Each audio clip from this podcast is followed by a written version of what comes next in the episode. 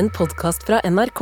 Hør alle episodene kun i appen NRK Radio. Charlotte Sletten Bjorå er botaniker og jobber ved Naturhistorisk museum i Oslo. Og hun er også en ettertrakta vitenskapsformidler i media. Bjorå har trossa krokodiller og væpna menn for å forske på uoppdagede plantearter i ulike afrikanske land. Hun brenner for det biologiske mangfoldet, men klimaendringene gjør at mange av verdens plantearter er utrydningstruet. Dette er Drivkraft med Vegard Larsen i NRK P2. Charlotte Sletten Bjorå, velkommen til Drivkraft. Tusen takk. Hvordan har du det? Åh, Det var et godt spørsmål. Det jeg pleier å si at uh, det er det som er så fint med å være botaniker. Det er alltid et, vår et sted i verden. Og akkurat nå så er jo våren her, så da kan ikke en botaniker ha det bedre. Er det egentlig vår her nå? Altså, da jeg traska til jobb i dag, så føltes det ikke som vår. Nei, jeg hadde i hvert fall løkplanter som holdt på å sprette ut i hagen min, så da definerer jeg det som at våren er i gang. Ja. Hva er det eh, frosten som må slippe i, i bakken som skal til, eller hva? Må ha litt sånn oppvarming. Også De løkplantene de er jo helt utrolige. De tåler jo nesten hva som helst. De første hardhausene. Frost også? Ja, ja, ja. Ja. Det var fem minus i natt, og de står der ennå. Hva, hva er, det, er det de som er de første som kommer? Det er de, og derfor er de så giftige. Det, og det bør folk eh, huske på. Ja. Eh, fordi at du kan tenke deg at nå har eh, Det gjelder enten i, på savannen der det har vært tørkesesong, eller vår tørketid her, som er vinteren. Ja. Eh, da har jo dyra gått rundt og beita på bare kjipe, gamle, tørre trær. Eh, og så kommer det plutselig de saftigste, deiligste, flotteste planter, som er løkplanter. Og de har de jo lyst til å angripe og spise. Derfor forsvarer plantene seg med gift. Så husk på det når vårplantene kommer. Det er veldig mange av de som er giftige. Ja, Påskeliljer og Ja. Men vi må ikke være, gå rundt og være bekymra i hagen. Nei, hvis ikke du pleier å beite rundt på plantene dine, så trenger du ikke det. Nei. Er det, Uh, har du som botaniker Hvordan ser det ut sånn plantemessig inne hos deg? I huset? Ja. Ja, det kommer an på hvem du spør. Eh, hvis du spør meg, så er det for lite planter. Hvis du spør resten av familien, så er det for mye planter. Men er, hva slags planter? All mulig. Og jeg har noen skikkelig, skikkelig giftige noen, men jeg vet jo om det. Ja. Er det grønnplanter eller blomster? Ja, det er et interessant spørsmål, for de aller fleste som blir kalt grønne planter, har jo blomster, de òg. Det er bare at vi er ikke så flinke til å få de fram i våre tørre eller våre mørke stauer. Men, eh, men de aller fleste planter som ikke er moser og laverestående, eh, eller basale som vi kaller det, eh, de har jo en blomst. Hvilken, hvilke er du mest glad i? Hvilken plante? Ja, De du har inne hos deg sjøl? Eh, jeg har, jeg, du, kan- det er som, du kan ikke spørre hvem av barna dine du liker best. Altså, jeg, liker, jeg er veldig glad i alle sammen. Ja. Men er du sånn som uh, tar vare på steinen i avokadoen og planter de, og så Det tar ungene mine seg av. ja. De, vi har en del avokadoplanter rundt omkring i huset, ja. Ja. Sånn, I forhold til at det er våren er i anmarsj, er det nå man må begynne å inneplante for eventuelt å sette ut i hagen? Ja, jeg har begynt å så allerede, men eh, nå Hva, hva har du begynt å så? eh, Jeg har sådd eh, koriander, jeg har sådd litt av hvert. Jeg har ikke satt erteplanter. Salat det sår jeg hele tida, for at det kan du jo med litt grann ekstra lys, så kan du jo få det nesten året rundt. Ja. Eh, Hva gjør, altså, hvor står de, da? Nei, jeg har sånn plantelys i kjelleren. Ja. Og så er det litt sånn forskjellige ting. Det som trenger litt sånn lengre sesong. Ja. Um, Du har et eget planterom i kjelleren? ja, det er et, det er et stuerom, men uh, jeg rydder, passer på å rydde det mer og mer, så jeg får mer og mer plass til plantene mine. Men med plantelys, er det noe vi burde ha hjemme alle sammen? Ja, det syns jeg selvfølgelig alle burde ha. Det er jo vekstlys. Du kan eh, lage Så får du liksom plukksalat og sånn kan du ha hele året. Og så kan du ikke sant, Vi har jo, til tross for klimaendringer, så har vi fremdeles en ganske kort vekstsesong i Ja, Norge. ja. Eh, og hvis du starter med å sy eh, og så litt tidlig, så får du jo sånn sånn paprikahare og sånne ting som trenger litt lengre sesong. Da får du liksom eh, tjuvstarte litt. Hvor Eh, svært er dette Stuerommet. Ja, den, nei, denne lysgreia. Ja, den, det er sånne lyslister som det er 90 cm cirka, de jeg har, men du kan få i forskjellige lengder, og det er egentlig ganske lite eh, Det krever ganske lite. Du trenger en stikkontakt. Ja. Hva, må det stå på hele døgnet, eller følger det liksom solens rytme? Nei, du kan ha Jeg har 16 timer nå, som er ganske bra for så. Til å så. Mm. Og så har jeg jo sånne planter som ikke kan overvintre ute. De står her nede i kjelleren om vinteren med litt eh, plantelys. Ja.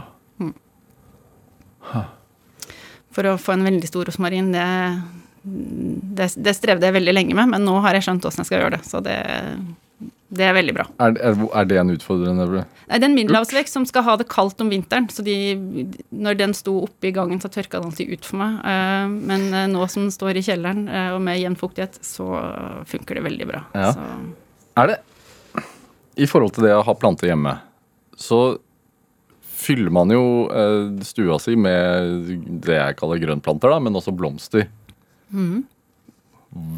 Hvor ofte er det en giftig plante? ja, det, det, det vi ser, i hvert fall, det at det er veldig mye mer giftige planter nå. Eh, hagesentrene tar inn veldig mye forskjellig. Ja. Eh, og det er veldig mange som ikke aner at plantene er giftige. Står det at det er giftig? Nei. Det er ikke noe krav om merking. Og noen av de er Altså, jeg så noen, ha, noen planter på et hagesenter her, og der rota er Hvis du tar en halv lillefingernegl, så er det game over. Men det, ikke sant, dette her er eh, Det som jeg tenker er litt sånn risikabelt med hageplanter, det er jo at om ikke du pleier å spise på de, så er det sånn som unger og husdyr og sånn fort kan komme borti, for det er jo noe som du har i din umiddelbare nærhet. Men hva slags plante er den halve lillefingerneglen game over?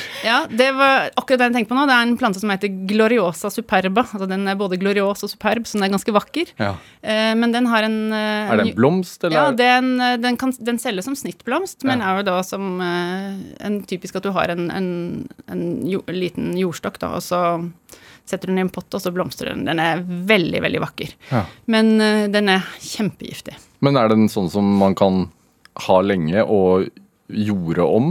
Ja. Ja. Potte om. ja. Mm. Og hvis man da gjør det, så bruker man jo neven.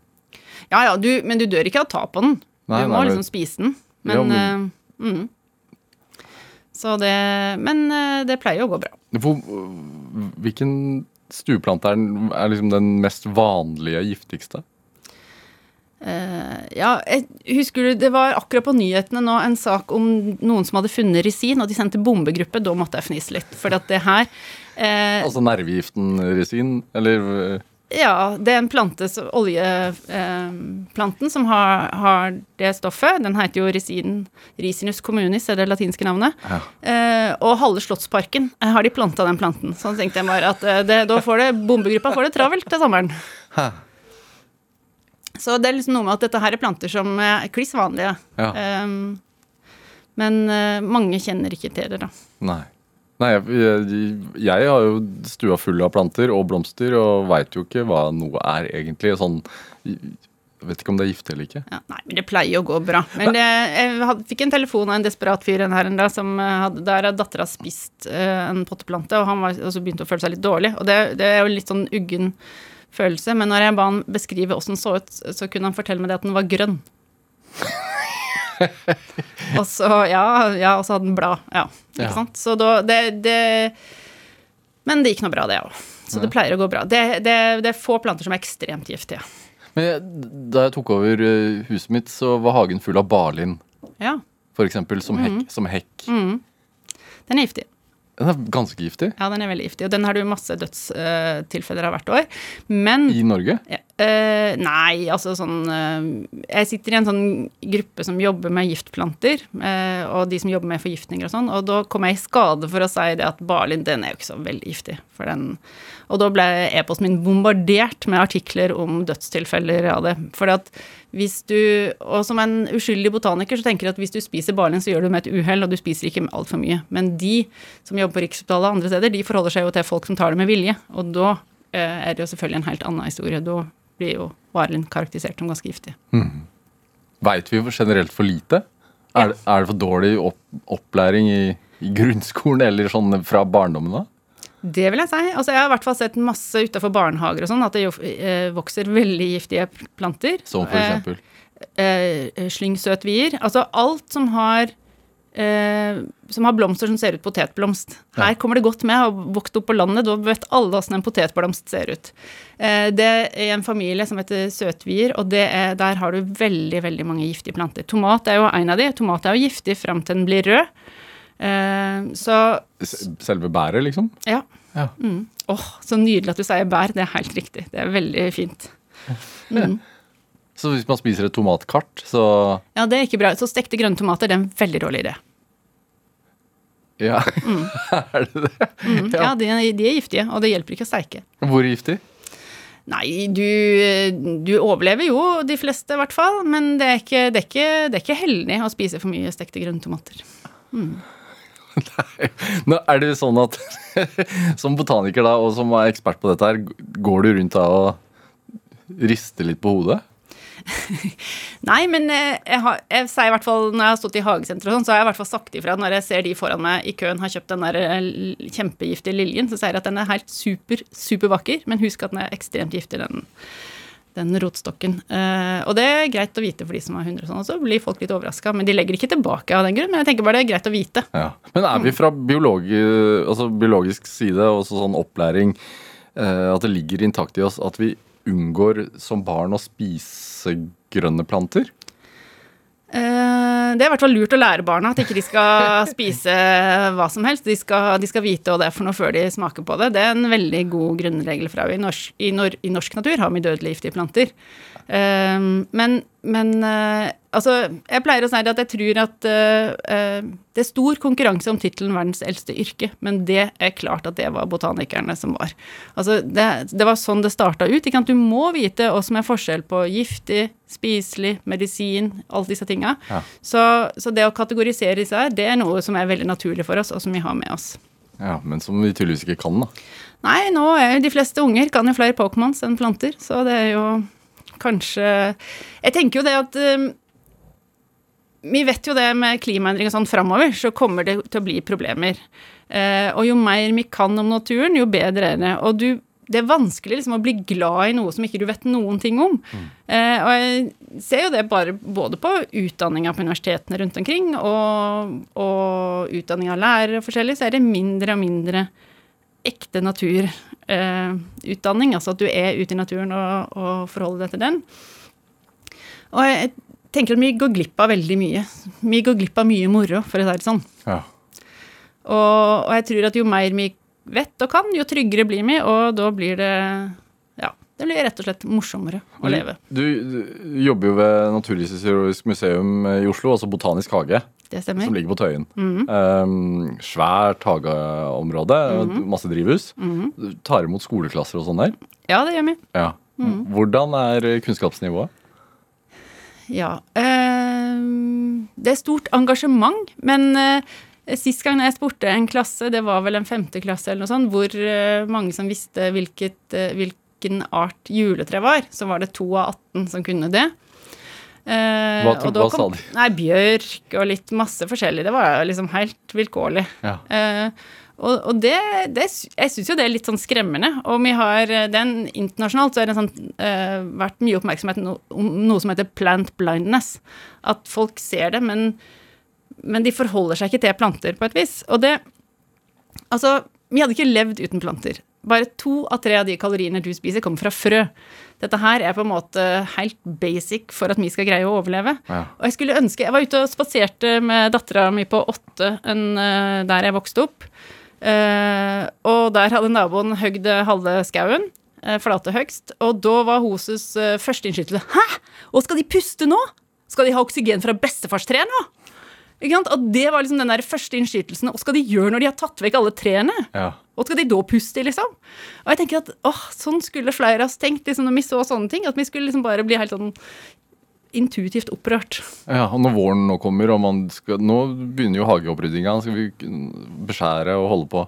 Ja, ja, du Det Du må Altså noen, noen spør meg om det liksom, om jeg har store forventningskrav eh, når du er botaniker og har hage, men da pleier jeg å svare det at ja, du, mye, det, det botanikere kan, det er ville planter, så her kan løvetann og alt vokse som det vil. Eh, vi har ikke så høye forventninger til For det, det er hagebruk, det er altså å, å pleie trær og, og gjøre sånn, men det, det er jo smart å gjøre for å få god avling av det du skal ha, og Ja. det er jo det er vi interessert i. Klipper du gresset, da? Jeg, klipper gresset, ja, eh, men eh, ikke så ofte. Og det er jo det som er veldig fint, for at um, i i min hage, som er skrekkelig rotete uh, ja, Hva er det? Hva er skrekkelig rotete? Altså I dag så er det veldig mange som ønsker at at plens, eller utearealene skal se ut som en forlengelse av staua. Uh, det gjør den ikke hos oss. Der Det vokser ting som, litt som det har lyst, og sprer seg litt som det vil. Eh, det er en gammel hage fra 30-tallet der eh, eh, snøklokker og hyasinter har spredd seg rundt omkring. Helt fantastisk. Um, og det er jo et, sånn, et veldig godt råd at løvetann er jo Norges viktigste pollineringsplante, altså bieplante, og vi vet jo at det går nedover med insektene. Så bare tenk deg at du kan la være å klippe plenen så ofte, og så hjelper du til med å redde verden. Det er en veldig fin måte å gjøre en innsats på. Ja.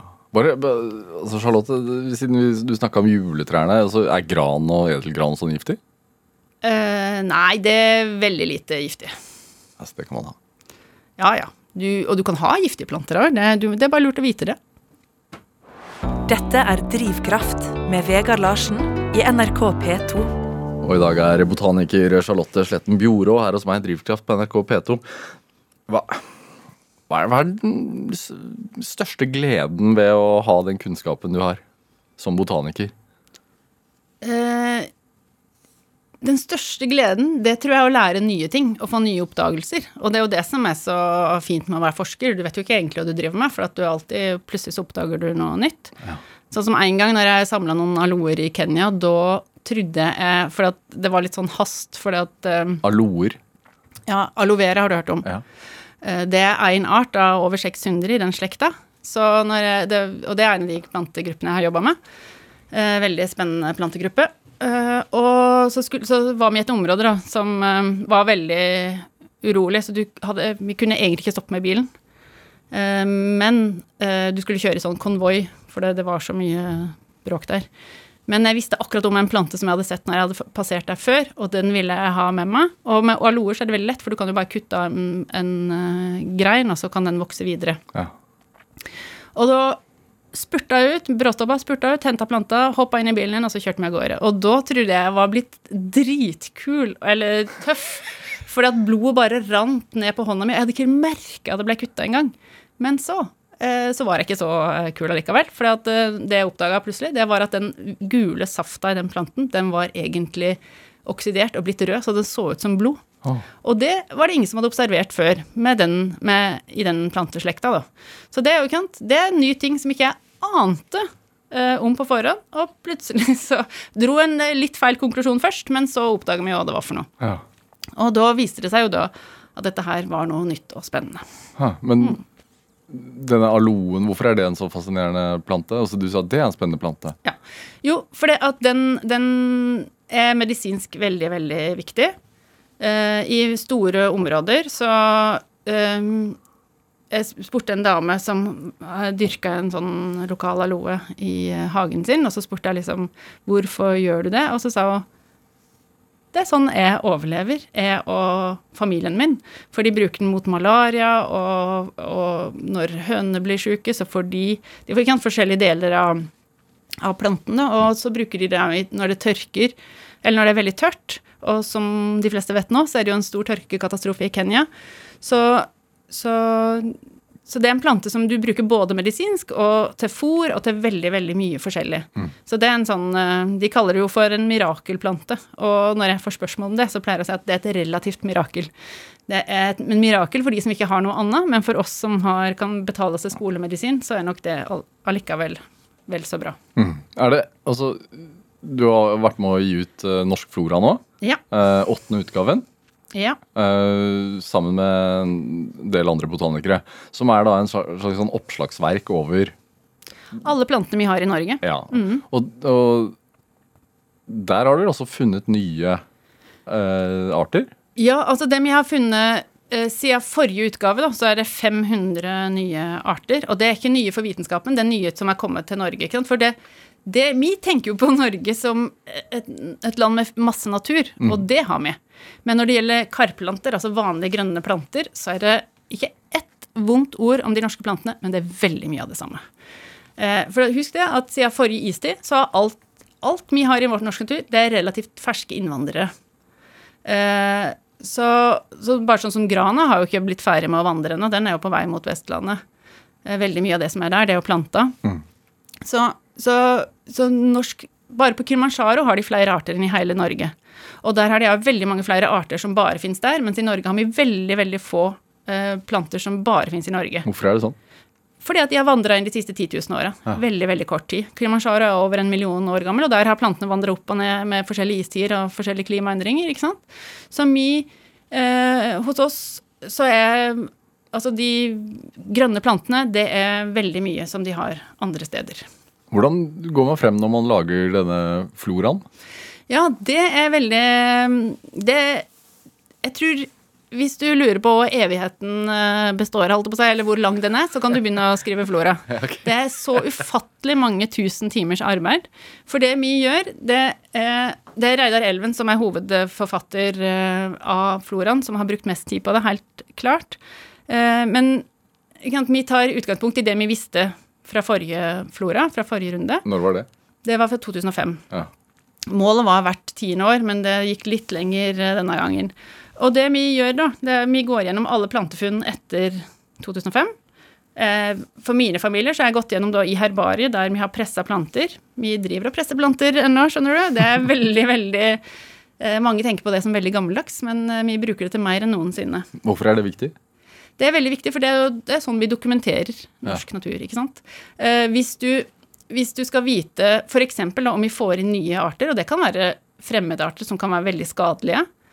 Eh, I USA for eksempel, satte de ned en sånn botanikergruppe som skulle være i førstelinja mot terror.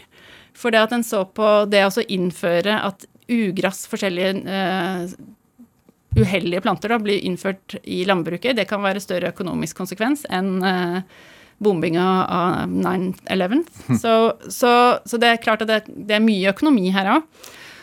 Og det er jo det som skjer hos oss, at nå med klimaendringene, så er det fordi at det blir varmere og varmere, så er det mer og mer som kan overleve. Så mye av det plantene som kommer inn, både naturlig med havstrømmer og, og vind og sånne ting, men òg det som importeres, der hvis du, skal, hvis du skal oppdage en endring, så må du faktisk vite hva som er utgangspunktet.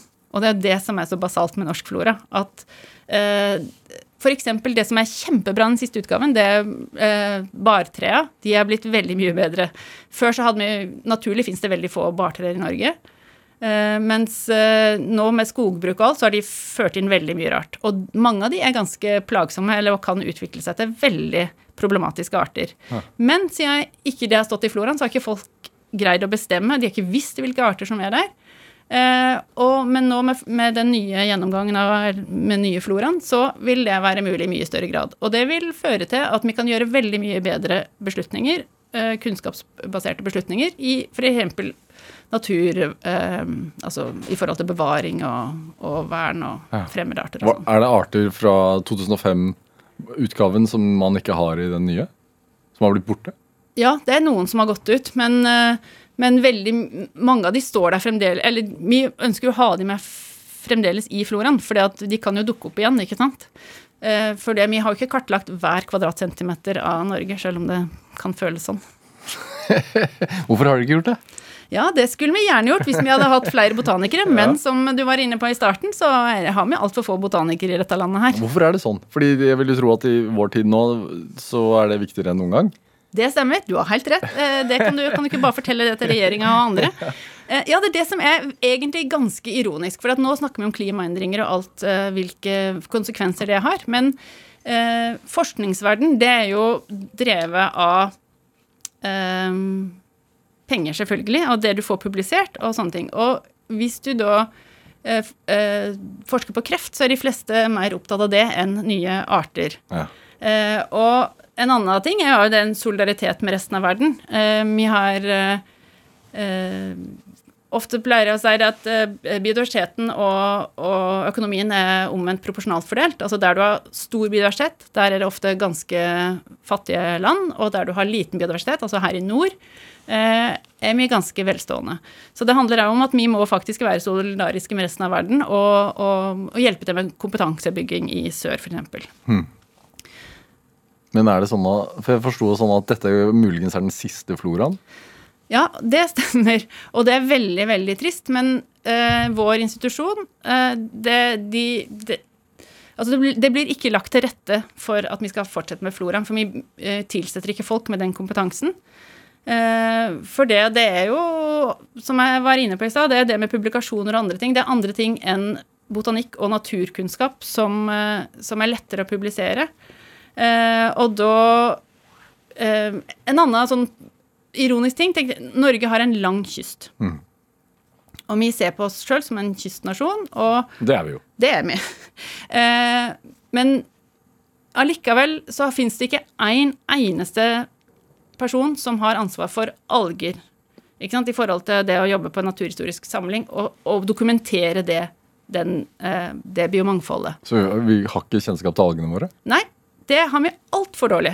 Eh, og det, sant, For at vi skal ha den kompetansen, så trenger du en person som har det ansvaret, som jobber over år, en årrekke. Ja. Vi har, På Havforskningsinstituttet så har de vel 700 ansatte, men de jobber stort sett med torsk. ikke sant? Torsk, det er masse penger.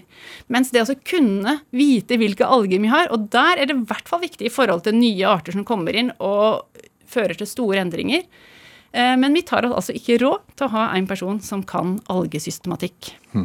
Er det, altså, Hvordan er en helt vanlig dag for deg på jobben, Charlotte? Altså, hva, Den fins ikke. Nei, jo, men sånn prøv, prøv, altså, Ja, nei, jeg- ikke sant, er- I et middagsselskap, hvis jeg spør om hva, hva du driver med Nei, jeg er botaniker og så, men, ja, ok, Ja. men hva, hva gjør du faktisk på, på jobben? Ja, nei eh, Det er kjempegøy, for jeg gjør jo aldri To dager jeg aldri liker. Men jeg, jeg underviser jo. Jeg underviser på universitetet, Ja. eh, som vi er en del av. Og jeg har masse studenter, doktorgradsstudenter og masterstudenter, så veiledning er en del. Jeg har masse planter som vokser i veksthus på, på Tøyen. Eh, du sa at vi hadde masse veksthus, men vi har jo selvfølgelig altfor lite. Vi slåss jo så voldsomt for å få nytt veksthus. Vi skal snart ha et jubileum. 100 års kamp for nytt veksthus. Eh, vi gir aldri opp. Um, og det er igjen, det er vanskelig å komme gjennom med natur. Natur er ikke så lett å få penger til. Nei, Og så har du dette herbariumet, da. Og jeg har et fantastisk herbarium. Jeg er sjef for Norges største herbarium. Jeg har 1,2 millioner pressa planter som vi går og koser oss med. Ja. og der driver vi sånn eh, Altså når forskere jobber med forskjellige problemstillinger, altså det kan være alt fra at de bare skal finne ut hvilke arter som fins innen den slekta, da kan vi sende planter til og sende liksom, pakke med i noen kasser og sender av gårde til Berlin eller Paris eller London eller eh, Nairobi eller rundt omkring. Ja. Eh, og, og nå tar, kan du ta DNA-prøver f.eks. av disse plantene. Og du kan, Ja, for det gjør man. Ja, ja, ja. Det gjør vi hele tida. Hvorfor det? Jo, fordi at eh, noen ganger så kan en plant, to planter se helt like ut. Så tar du DNA, eh, kjører du en DNA-lyse, og du gjør akkurat det samme som på kriminal... Eh, altså for å finne morderen, ikke sant. Du, da sammenligner du to DNA-profiler. Du gjør det akkurat det samme med plantene. Ja. Jo likere de DNA-profilene, jo nærmere i slekt er de. Eh, og noen ganger så får du deg noen skikkelige overraskelser, for du, du Vi har noe som heter parallellevolusjon. Ting kan se helt like ut, men de har helt forskjellig opphav. Eh, sånn som en lille gruppe jeg har jobba med, de vokser på savannen. Så de utgangspunktet, altså de kan se litt forskjellige ut. Men så flytter noen av de inn i regnskauen. Og når du flytter inn i regnskauen, da er det en visse karaktertrekk som er lure å ha. Så de kan se kliss like ut, og så fins de i to deler av Afrika. Så kjører DNA-analyser, og så viser det at de er helt forskjellige. Og det her er viktig for det at det, da er det ikke samme art. Og da, det som vi trodde var en art som var veldig vidt utbredt, viser seg at nei, den fins faktisk bare i tre land, og det er tre forskjellige arter. Eh, og det betyr at da har hvert av de landene et ansvar for å bevare denne arten. Så vi har hatt en helt feil forståelse. Vi trodde det var en vanlig, vidtspredt eh, art, og det er det ikke. Den er mye mer, altså de er mye mer sjeldne, for det fins bare helt eh, avgrensa områder. Og det er viktig for å bevare eh, biodiversiteten vår framover. Vi må faktisk skjønne hva det er for noe. Men hvorfor er det viktig? Eh, ja, altså hvorfor det er viktig med artsmangfoldet? Jo, det er, det, det er viktig på mange plan. Og én ting er jo, som jeg sa, med klimaendringer, ikke sant. Eh, da trenger du et genetisk eh, diversitet. For eksempel eh, når du har nyttevekster. Eh, de er tilpassa Nyttevekster det er sånn at vi, vi, vi krysser de fram for å få de helt Så de produserer mest mulig innen de rammene vi har nå. Men nå endrer jo disse rammene seg fortere enn noen gang. Og da er de plantene som vi hadde nå, som funka kjempebra i vårt klima, det funker ikke om 20 år. Eh, For at de skal funke og gi mat og avlinger framover, så er vi avhengig av eh, nye gener som kommer inn. Og det må de ha fra de ville slektningene. Og da må vi faktisk vite hvilke som er de ville slektningene. Så for at vi skal overleve, så er dette her viktig. Nå blir du engasjert, Charlotte. Ja. Det er veldig bra. Eh, Charlotte Sletten Bjorå, vi skal spille litt musikk. Du, du har med en, en uh, låt som ikke jeg har hørt før. Uh, av Overgump. En låt som heter Lav. Hva er dette her for noe? Ja, det her er en fantastisk eh, studentgruppe som har, som har laga veldig mange bra melodier med veldig bra tekst. Ja. Hva, hva, hva er det vi skal få høre, da? Nei, nå skal vi høre Kan vi ikke bare høre den, da, så kan vi snakke om det etterpå? Ok.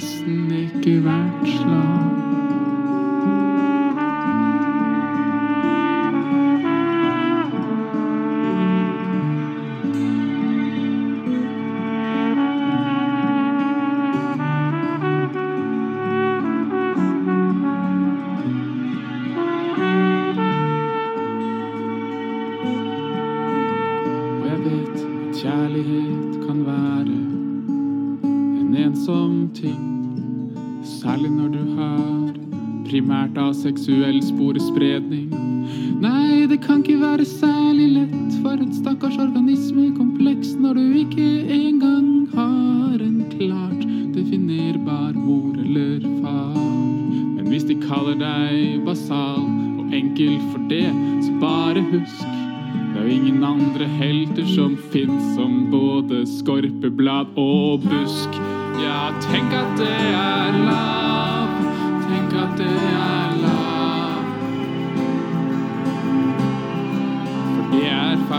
lav.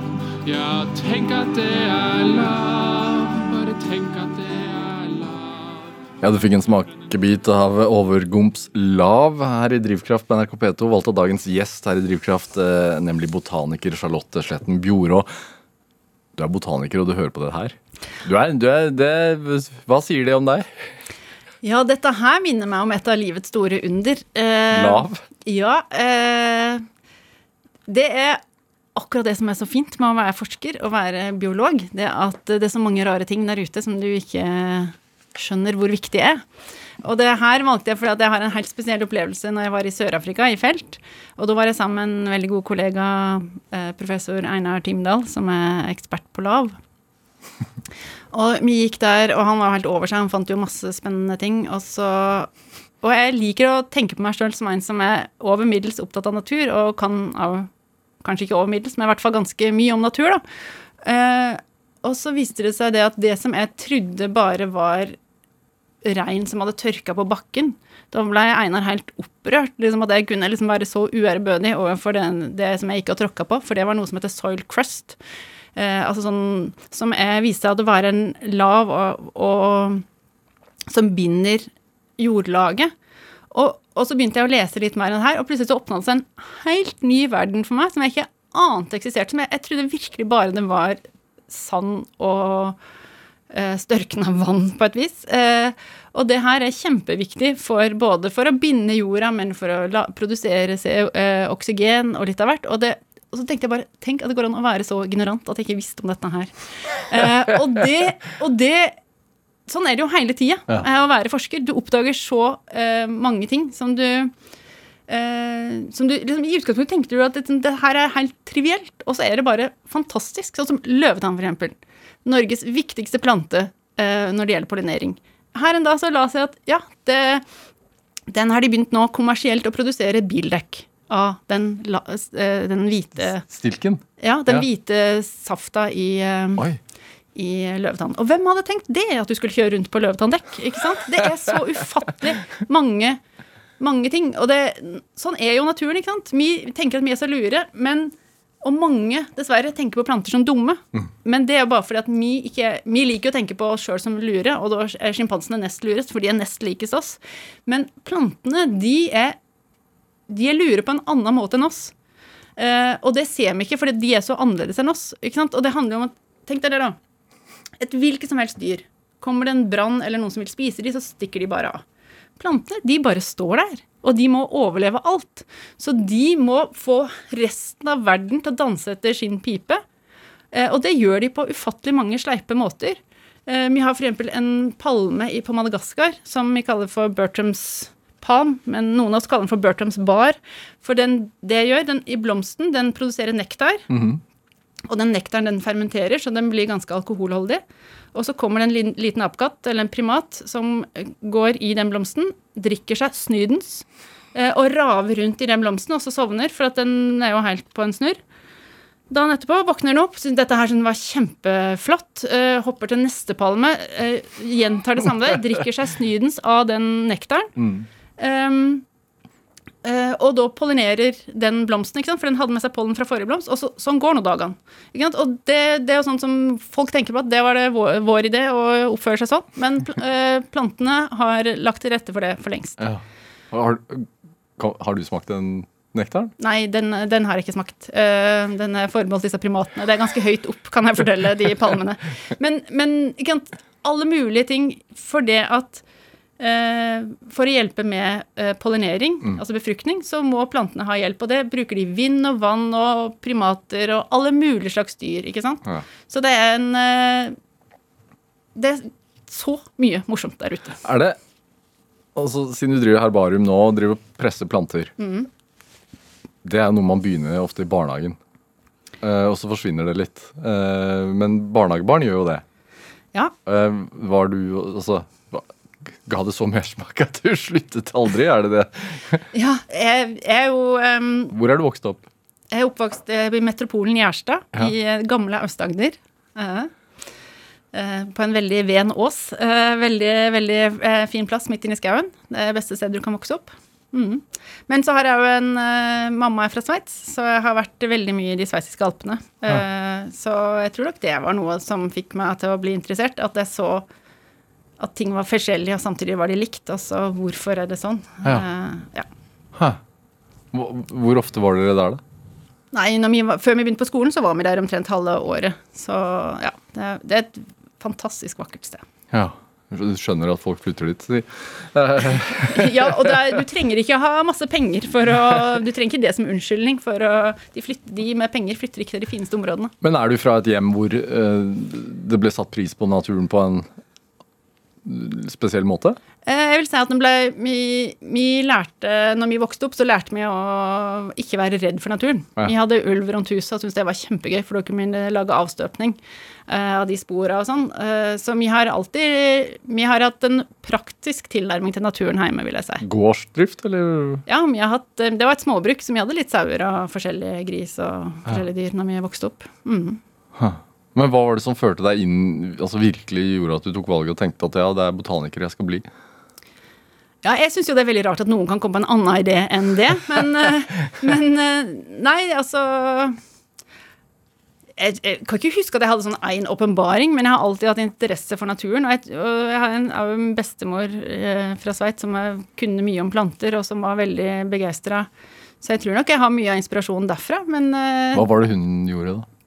Nei, hun bare kunne mye om planter. Hun hadde mange navn og Ja. Det er liksom når du går tur, så snakke om naturen. Det, det er veldig I, i Sveits, eh, der mamma kommer fra, er det et veldig sånn rikt område, så det er helt sånn vanvittig blomsterprakt. Hvor i Sveits er det? Det er i Berner Oberland, så midt i Sveits du kan komme. Mm. Eh, Det er liksom rett over fra Wengen, for de som eh, ser på slalåm, eller utfor. Eh, Så det er, det er veldig, veldig, veldig fint område. Så en sånn oppdagelse av at eh, naturen her hjemme og naturen der var totalt forskjellig på en måte, men samtidig ganske likt, da. Ja. Og det Ja, med høydegrenser og alt mulig. Veldig forskjellig, og ganske likt. Ja. Er det, er, det, er det en sånn mystikk som har dratt deg inn i det? Kanskje vel så mye å ha det moro. Altså, det er så mye kult. Ja, Når Det du går i skogen, så- hvordan har du det moro da? Nei, ikke sant. Det, er jo, du ser jo, det handler jo om å observere og se ting. Men eh, skal en ha det ekstra gøy, så samler du jo litt sånne sporer som eksploderer og litt sånne ting. Det er, det er mye moro der ute. Og, og veldig mye er det jo ting du ikke du skjønner. ikke sant? Hvorfor er det sånn? Ja. Hvorfor klarer ingen å dyrke kantareller? Eh, sant? Ja, hvorfor det- klarer man ikke Nei, ikke sant? Det er ufattelig mange rare ting. Og ting vi tenker vi kan reise til månen, men vi klarer ikke å dyrke kantareller. Eh? Det er masse ting vi burde visst mye mer om. Ja. Så det er et uendelig eh, For nysgjerrige så fins det jo ikke noe bedre sted enn eh, skauen. Har du prøvd å smitte det over altså, Du har fire barn, har du prøvd å smitte det over dit? De får gjøre sine egne valg, men eh, det, det, er ikke, det er ikke meg imot at de går den retninga. Nei. Mm. Hvordan bevarer man den nysgjerrigheten, da? Nei, åssen gjør du det? Du må Det er jo helt Altså, unger er jo de som er lettest eh, å engasjere. Eh, de, de er jo naturlige forskere alle sammen, for de skal jo oppdage verden. Eh, og så blir de litt sånn mer blaserte etter hvert. Så det er jo, det er jo ungdomstida og unge voksne som er den på en måte vanskeligste å engasjere folk. Hvem var du da, da? I din ungdomstid? Nei, da reiste jeg til Afrika og rundt omkring og ja, prøvde å lære mer. Altså For å utforske planter, eller eh, lære mer av livet? Nei, altså når jeg var ferdig med videregående, da skulle absolutt alle lære, ta sånn uh, u-landsstudier, som de kalte det den gangen. Og det jeg syns det var noe sånn usympatisk over å lære om de andre. Så jeg reiste til Ghana og gikk på African Studies for å lære det på ekte. Du lærer det på en annen måte ikke når du sitter i en gedigen forelesningssal og lærer om politisk historie, og så forteller foreleseren at uh, ja, and the election was free and fair, og så brøler alle av latter, for at de holder jo på, uh, selv om det var internasjonale observatører. Det er en helt annen måte å lære det på når du lærer det sånn som jeg ser det, på ekte, enn når du lærer om andre. Ja. Så det er noe med å gå til kilden. Det er alltid best. Hvor gammel var du da da du dro dit for første gang? Uh, det året, eh, det, var- da var jeg 19. Ja. Mm. Og da reiste vi litt rundt omkring eh, der sammen med en venninne. Og da husker jeg vi, vi kom over til tror vi var grensa mellom Elfenbenskysten og Burkina Faso. Og da måtte vi alltid intervjues når vi skulle over, og alt gikk på fransk. Men vi hadde vært gjennom disse her intervjuene så mange ganger, og så spurte han der eh, politimannen om hvor gammel vi var, og da kunne vi fortelle om vi var 19 og 20. Og så spurte han igjen, og vi svarte 19 og 20. Så så han opp på oss. Så sa han de eneste engelske ordene han sa i løpet av hele intervjuet. God bless you. Det tror jeg han syntes var så vilt, at to jenter på, 18, nei, på 19 og 20 reiste alene i den delen av verden. Men vi overlevde det, ja. Dette er Drivkraft med Vegard Larsen i NRK P2. Og i dag er botaniker Charlotte Sletten Bjorå her hos meg i Drivkraft på NRK P2. Det, det med Afrika og afrikanske land, det har jo fulgt deg siden, holdt jeg på å si. Absolutt. Eh, vært i Zimbabwe, Tanzania, Sør-Afrika. Hvor, hvor mange land har du vært i og, og forska? Det har jeg ikke telt. Nei. Men eh, fra Etiopia og sør til Sør-Afrika, og så litt i Vest-Afrika. Eh, veldig mye sørlig Afrika. Hva er det med floraen der som gjør den så spennende?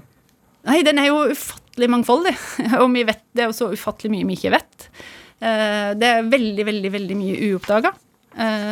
og Nei, det er så spennende at da trenger jeg fem timer til å, til å svare på, tror jeg. Nei, det er, det, det er en sånn enorm diversitet. Ja. Og, og ting du aldri kan forvente. Det er bare så spennende. Hva er det mest spennende du har funnet? Ja, det Noe av det som jeg syns var i hvert fall rarest, tror jeg, det var sant, Jeg jobber med, med noe som vi kaller geofytter, løkplanter. Og de, poenget med å være en, en løkplante, det er at du skal tilpasse deg tørke. Du har enten løk eller jordstokk eller et eller annet som gjør at du kan overleve tørke lenge. Så da var det en ekstremt merkelig opplevelse når vi eh, padla opp eh, noen eh, elvedrag i regnskauen i Kamerun. og oppdaga at disse liljene hadde flytta ned i elva. For det var liksom sånn Her har du brukt millioner av år på å tilpasse deg tørke, og så flytter du ned i elva. Eh, men det det viste seg Når jeg tenkte meg litt om, så var det jo når du, du har, når du springer rundt i regnskauen, så oppdager du at det er ganske mørkt. Ja. Så det eneste Fordi det er så høyt, så trærne er så høye? ja, det er så tette. Ja. Så det eneste stedet disse plantene her kunne få tak i lys, det var jo midt i elveløpet.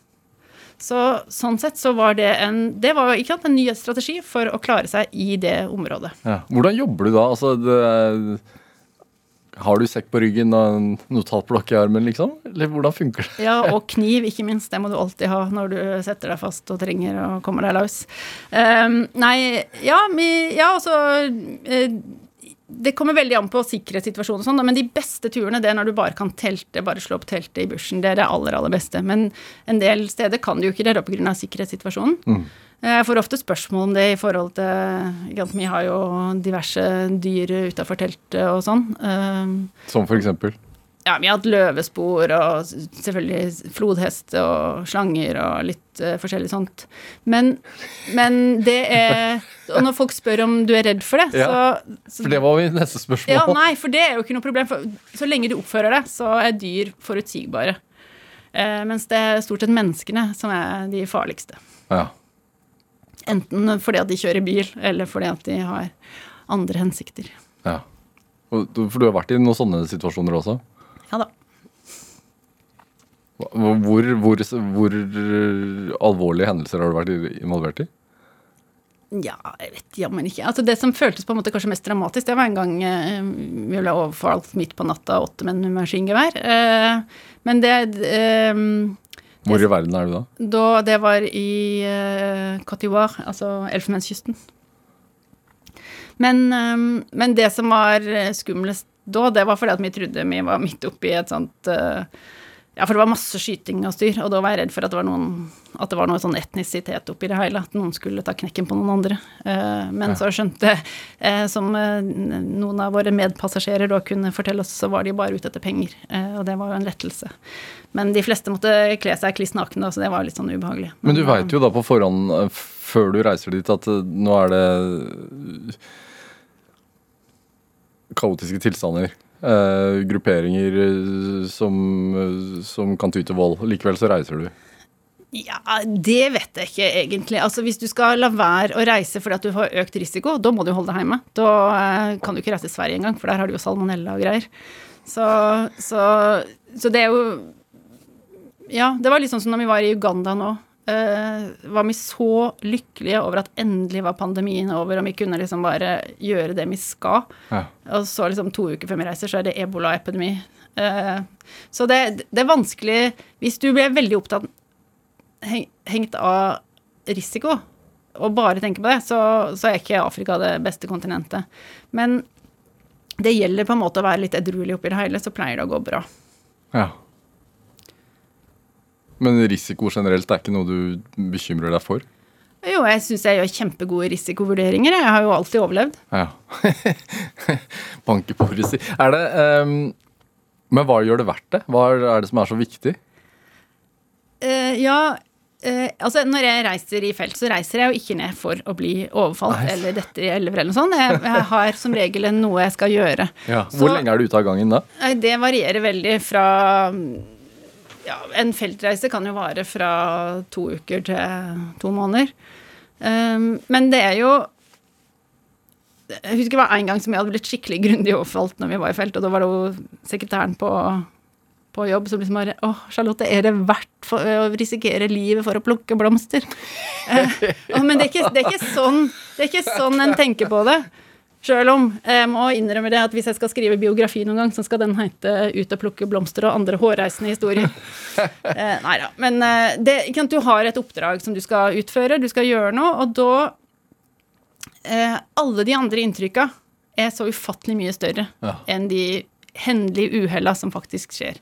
Det kan være at bilen bryter sammen, og så er det noen som ser det, og så kommer de bort med pistoler og skal ha alle verdisakene. Og det er ufattelig kjipt. Det, altså, jeg later ikke som jeg ikke syns det er skummelt. Jeg syns det er dritskummelt. Eh, sammenligner det av og til noen ganger som det å føde. Du er ganske, når du er bare ferdig med det, så tenker du at det var ikke så ille. Og så neste gang når du, første VE kommer, så tenker du åh, det var så sjukt vondt det var. Og det er litt det samme når du blir overfalt eller får en pistol retta mot deg. Det var så vanvittig skummelt det var.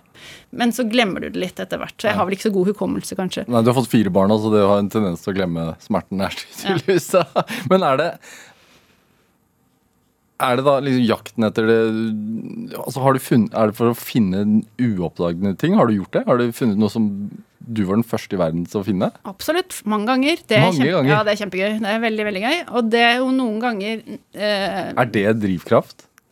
Det er kjempegøy. Det er veldig, veldig spennende å finne noe som ingen har Altså, å si at ingen har sett det før, det er selvfølgelig veldig arrogant. For at uh, det betyr jo selvfølgelig at ingen Det er ikke vitenskapelig publisert, men Ingen som har presset det? Nei, ikke sant. Ingen har lagt det i herbariet sitt. Det er jo en fin, uh, det er en fin rekord å ha. Nei, men, uh, men det Altså, det var grunnen til at jeg ble botaniker i utgangspunktet, og biolog. Det var for at jeg var opptatt av biodiversitet og finne, forstå verden. Og når jeg, jeg tok hovedfag, der gjorde jeg feltarbeid i Kenya, og da drev jeg med økologi. For det trodde jeg var meninga i starten, at du skal skjønne sammenhenger.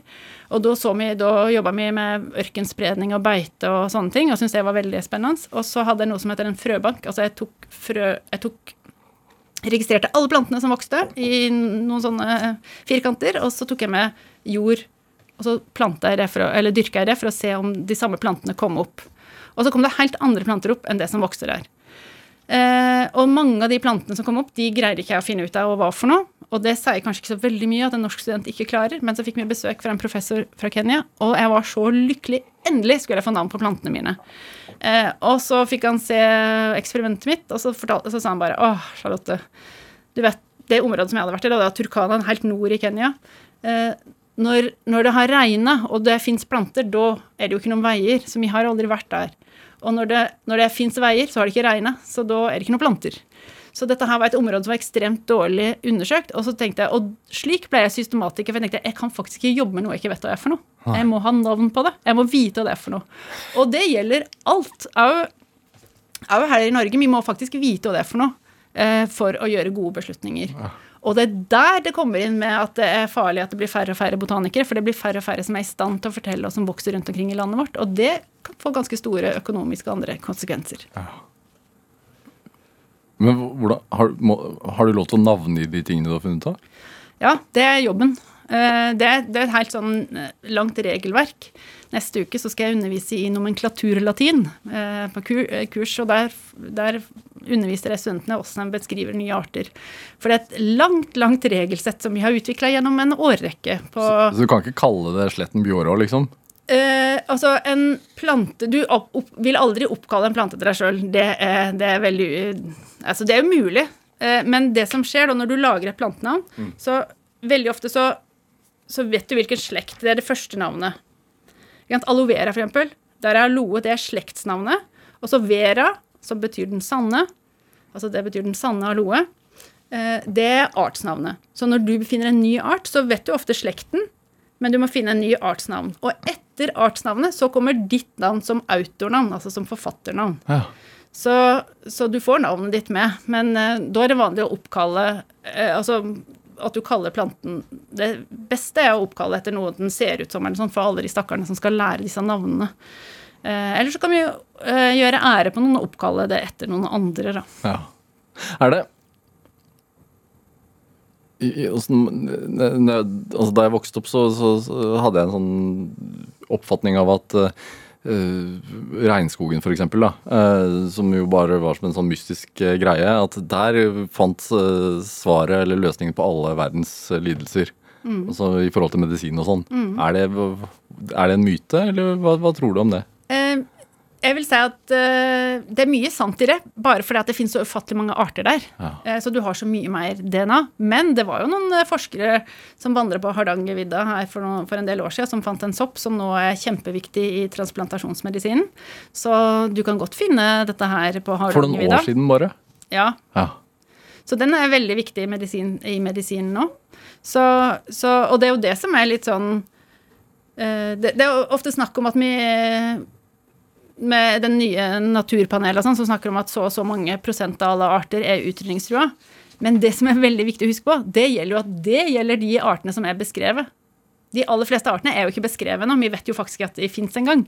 Og der er nok utryddelsesraten enda høyere. Ja. Hvor stort er, det, er den utfordringen? Gedigen. Ja. Ja. Eh, Så vi kunne helt fint ha 10 000 ganger så mange botanikere i dag, og da hadde vi kanskje begynt å nærme oss noe. Men i forhold til utrydnings... Altså sånn hastigheten? Ja, det, det som er at du må beskrive en art før du kan bevare den på et vis. Altså, det, når en art får et navn, at det, alt det politiske trer i kraft. Ikke sant? For mye har undertegna f.eks. Bernkonvensjonen, det at alle arter i Norge skal vi eh, bevare. Vi skal ikke utrydde arter. Ja. Ehm, derfor tenker noen at det er ikke så god idé å legge en firefeltsvei over et delta, som er noe av det, det, vi, har, det, det vi har som vi må bevare. Mm. Um, uh, så, så derfor er det veldig, veldig viktig at du har folk som faktisk kjenner igjen arter og greier å beskrive de nye. Uh, for det at vi skal klare å bevare de for framtida. Jo færre botanikere, jo færre rødlista. Ja, det kan du si. Sånn sett. Uh, så det er riktig, det. Charlotte Sletten Bjorå, hva tenker du er drivkraften din? Det er egentlig mest ute etter å ha det moro. Eh, og det Og jeg, tror jo selv om jeg tror jo generelt sett at verden hadde vært et bedre sted med flere botanikere her, så, så er det jo en kjempeviktig jobb. Og, jeg, og, og er, jeg tenker at det er himla flaks at det morsomste i verden å reise rundt og lære mer og oppdage nye planter, at det er, er så vanvittig viktig. Ja. Tusen takk for at du kom hit til Drivkraft. Hør eh, flere samtaler i Drivkraft på nrk.no eller i appen NRK Radio. Send oss gjerne ris eller ros, og også tips til mennesker som du mener har drivkraft. Send den e-posten til drivkraft.krøllalfa.nrk.no. Vi hører veldig gjerne fra deg. Produsent og researcher i dag, det var Ellen Foss Ørensen. Dette var Drivkraft. Jeg heter eh, Vega Larsen. Vi høres. Du har hørt en podkast fra NRK. Hør alle episodene kun i appen NRK Radio.